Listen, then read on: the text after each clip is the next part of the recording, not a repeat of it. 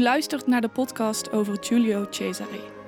Een opera van Georg Friedrich Händel die in 1724 in wereldpremière ging in Londen en op 16 januari 2023 in een nieuwe regie van Calixto Beaito bij de Nationale Opera in première zal gaan.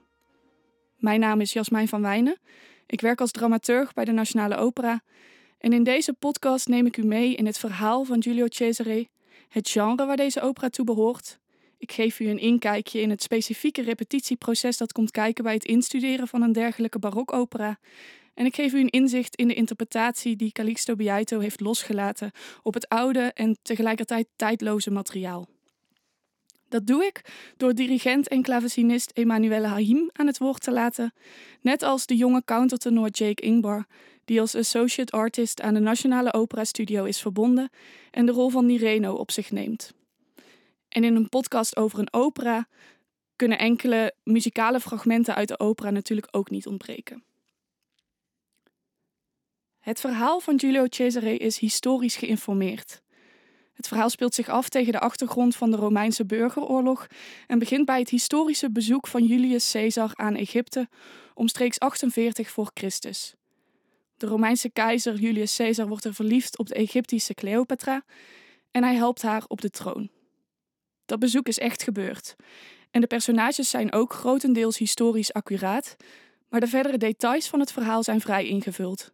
Net zoals dat bij verschillende andere kunstzinnige interpretaties van het liefdesverhaal tussen Caesar en Cleopatra het geval is geweest. Het verhaal gaat als volgt. Giulio Cesare is zijn politieke rivaal Pompeo, die ooit juist zijn compaan was, naar Egypte gevolgd. Pompeo zoekt daar steun bij Ptolomeo, de koning van Egypte en broer van Cleopatra. Cornelia, Pompeo's vrouw, vraagt aan Cesare genade voor haar man. En hoewel hij hiermee instemt, komt haar smeekbede te laat. Als welkomstgeschenk van Ptolomeo, die indruk wilde maken op Cesare, ontvangt Cesare het afgehakte hoofd van Pompeo. Cesare is ontzet. Cornelia en haar zoon Sesto rouwen en zinnen op wraak omdat Cleopatra zelf koningin van Egypte wil worden, besluit zij middels een verleidingsactie Cesare voor zich te winnen. Wanneer ze hem, vermomd als hofdame Lydia, benadert, is Cesare van haar onder de indruk en belooft hij haar bij te staan. Ptolomeo zet zijn zinnen op Cornelia, de vrouw die hij eigenlijk aan zijn raadgever Aquila had beloofd, maar Cornelia wijst alle heren af. Een intiem tafereel tussen Cesare en Cleopatra, vermomd als Lydia, wordt ruw verstoord door het nieuws over een samenzwering tegen Cesare. Cesare besluit ten strijde te trekken en Cleopatra is inmiddels los van haar politiek-tactische plan ook echt verliefd geworden op Cesare en ontdoet zich op het punt van Cesare's vertrek van haar vermomming en beantwoordt Cesare's liefde. In het nauw gedreven door zijn tegenstanders springt Cesare in zee Ptolomeo neemt zijn zus gevangen en wil haar laten executeren. In gevangenschap, vernederd door haar broer Ptolomeo, zingt Cleopatra dan een van de mooiste aria's uit de opera. We kunnen misschien zelfs wel spreken van een opera-hit. In het wonderschone Piangero la sorte mia bezingt Cleopatra haar lot. Ze zingt, en ik kan u slechts het eerste deel laten horen. Zolang ik leven voel in mijn borst, zal ik mijn lot, dat vreed en boosaardig is, bewenen.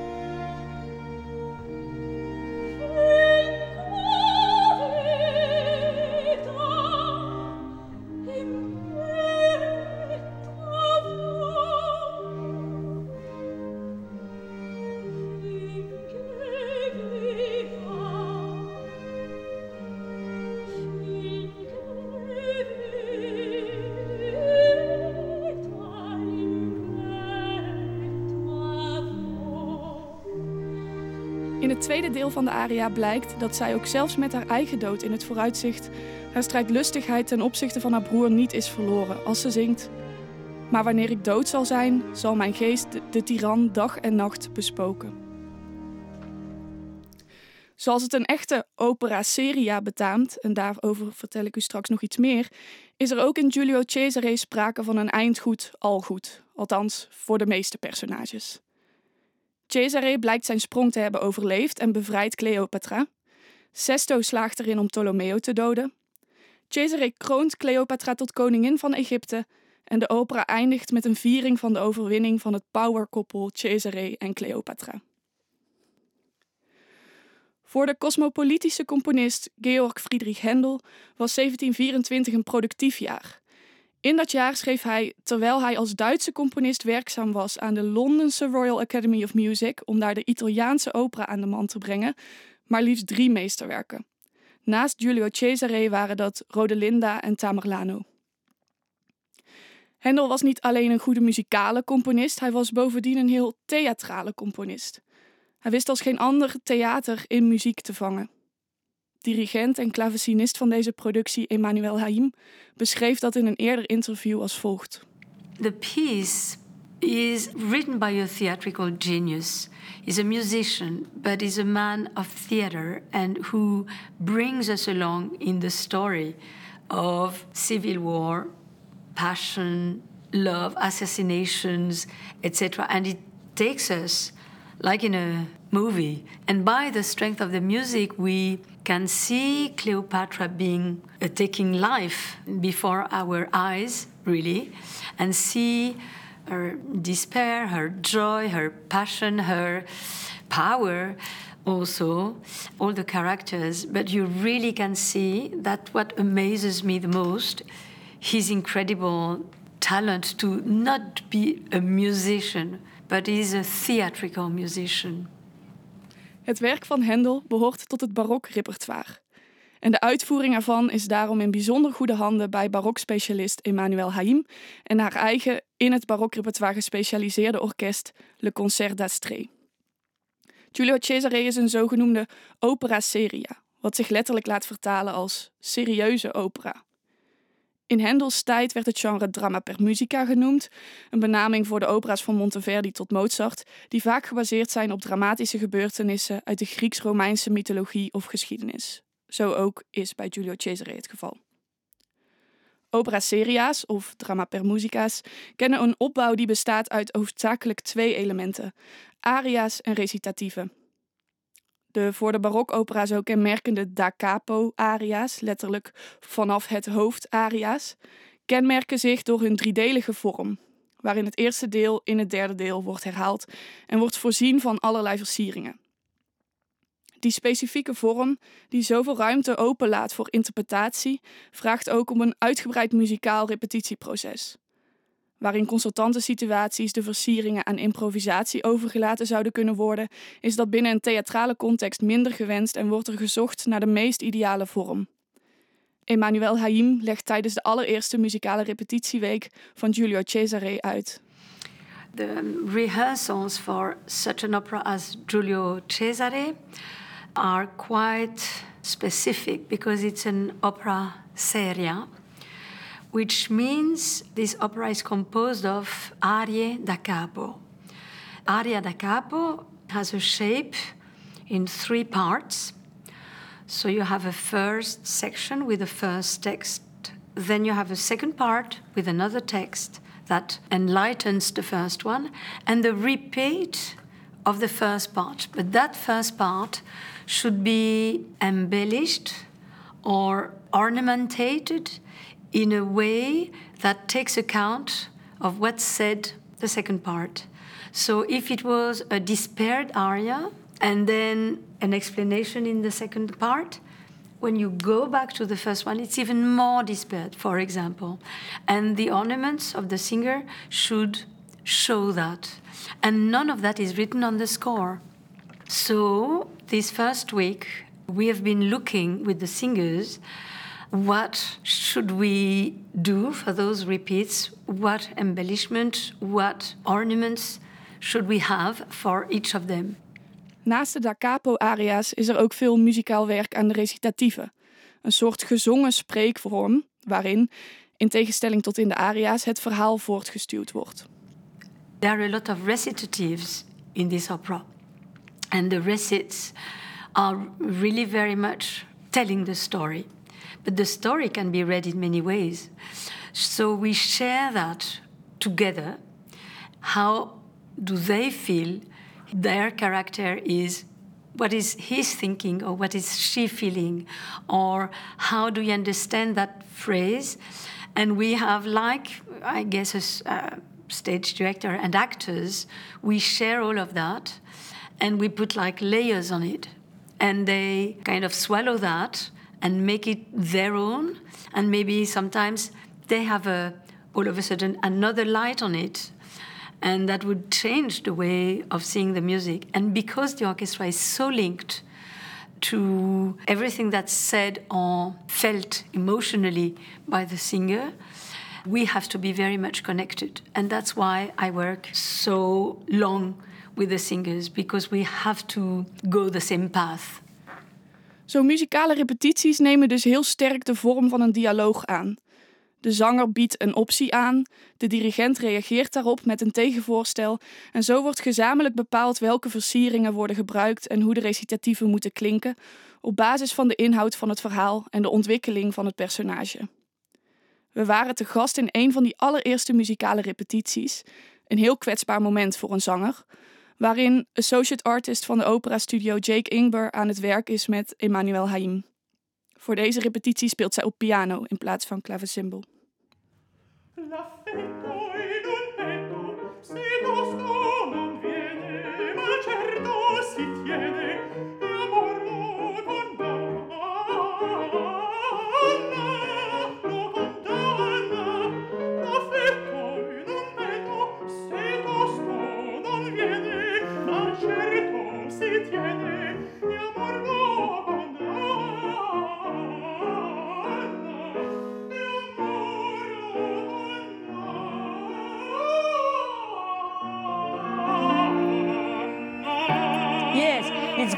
Can, can, can we do a, uh, in the cadenza, pardon Benoît, uh, e amore loco.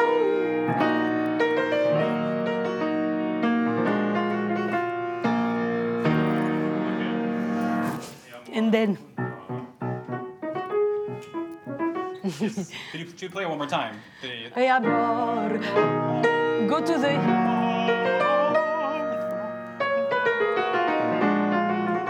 What, what would come good for you? Going to the E.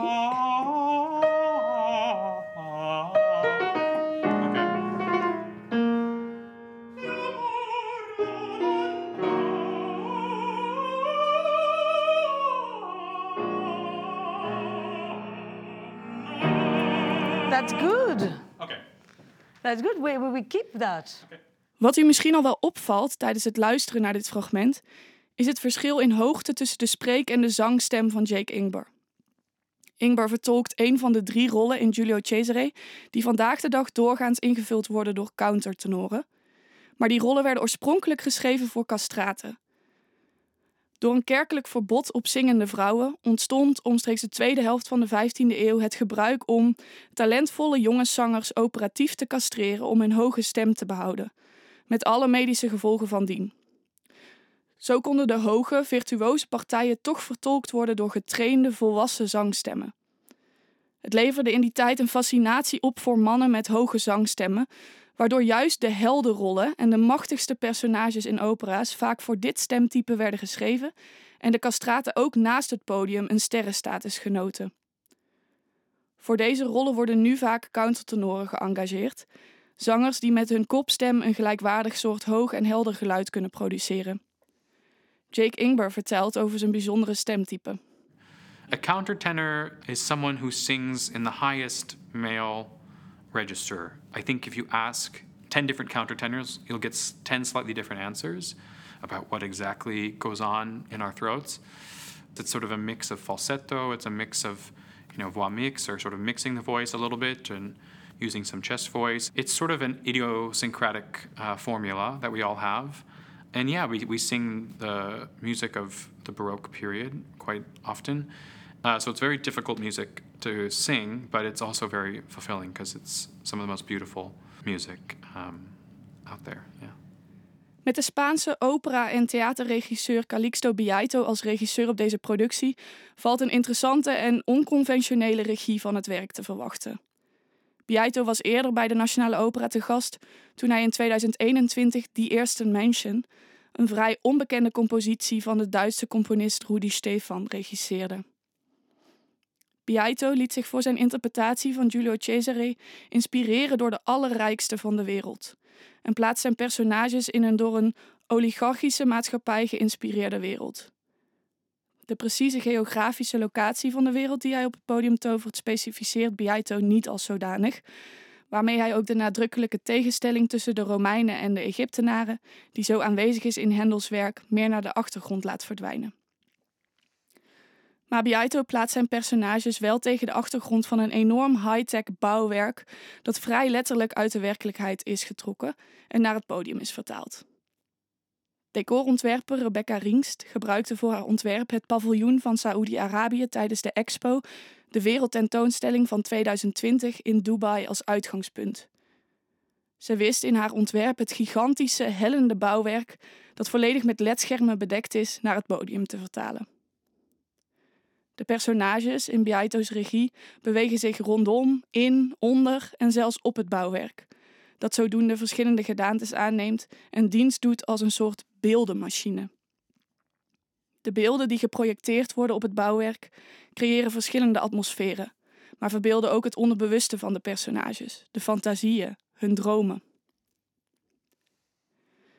Biaito omschreef de wereld waarin zijn personages zich bewegen ook al eens als A Digital Dream World in a Desert Paradise. Biaito zou Biaito niet zijn als hij niet dieper zou graven naar datgene dat zich niet in de alledaagse realiteit vertoont, maar dat juist uiting geeft aan de onderbewuste verlangens en driften van de mens. De gespannen verhouding tussen liefde en macht, die in het werk zo sterk aanwezig is, en de ingewikkelde liefdes- en familiale relaties die daar het resultaat van zijn, brengt hij in bijzonder naar de voorgrond. Want is elk liefdesverhaal niet ook een verhaal over macht? stelde hij zichzelf in een eerder interview de vraag. Waar Biaito zich voor die eerste Mansion liet inspireren door de visuele wereld van de Spaans-Mexicaanse filmmaker Louis Buñuel, zien we ook in Julio Cesare een verwijzing terugkomen naar zijn werk.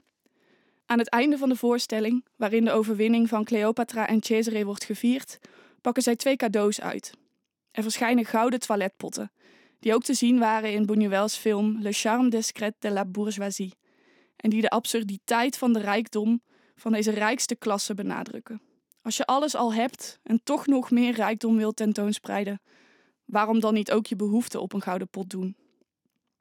In lijn met de overdaad, de rijkdom en de verspilling die in de barokke tijd waarin Hendel zijn Giulio Cesare schreef zo centraal stonden, toont Biaito in zijn ansenering de absurditeit van de grenzeloze rijkdom, de onuitputtelijke drang om die rijkdom tentoon te spreiden en de onstilbare honger naar alsmaar meer. Verwacht in Biaito's ansenering geen logisch verhaal met rationeel gedreven personages. Verwacht wel een wereld waarin het onbewuste en bewuste, realiteit en verbeelding en dromen en daden door elkaar lopen. Waarin fantasieën fysieke vormen aannemen en fysieke verschijnselen tegelijkertijd fantasieën blijken. Biaito is er in zijn anseneringen nooit op uit een rechtlijnige boodschap op zijn toeschouwers over te brengen. Hij wil niet zozeer een betekenis communiceren, maar die betekenisgeving legt hij graag juist bij de toeschouwer zelf neer. Waarbij hij altijd op zoek is naar beelden die resoneren bij de toeschouwer en vaak juist op het niet-rationele vlak. Kortom, ben er tijdens uw bezoek aan Biaito's Giulio Cesare dan ook niet op uit alles te willen begrijpen. Maar laat u meevoeren door Biaito's sterk visuele theatertaal en laat u op een dieper vlak raken door de combinatie van zijn beelden met Hendels prachtige muziek. Ten slotte laat ik graag Emmanuel Haïm nog even aan het woord, die benadrukt dat Giulio Cesare een tijdloos werk is, zeker in Biaito's ansenering. En die ons alvast warm maakt voor de sterrencast die deze Giulio Cesare zal uitvoeren. We have a, a dream team of singers with us who have not only uh, vocal incredible vocal qualities but actors qualities and involvement in the piece which makes the piece alive and whatever music from whatever time it comes from. For me, the strong and important thing it's talking to us now to the people now because the heart of people that hasn't changed actually that much not to say at all those emotions are nowadays are modern actually and that's what the most striking that this barrier of time is not there and also the fact of working with uh, calixto bieto who is very much involved in the raw feelings of those people of flesh and blood. Making them of today i think is important. It's not a museum piece. It's a modern piece of nowadays with those great people that we have with us. I mean so i'm, I'm really looking forward En met haar hoop ook ik dat u uitkijkt naar deze Giulio Cesare. Mocht u nog meer willen weten over de opera en deze specifieke productie, bezoek dan drie kwartier voor aanvang van de voorstelling de inleiding op het tweede balkon. Ook in het programmaboek, dat speciaal werd samengesteld voor deze productie, vindt u meer informatie. De opnames die u in deze podcast voorbij hoorde komen, komen uit een opname van DNO's uitvoering van Giulio Cesare uit 2008, met het Freiburger Barokorkester onder leiding van René Jacobs. De Cleopatra die u hoorde was niet Julie Fuchs, die u in onze nieuwste productie zult gaan horen, maar wel sopraan Rosemary Joshua, die nu bij DNO werkzaam is als hoofd van de Nationale Opera Studio.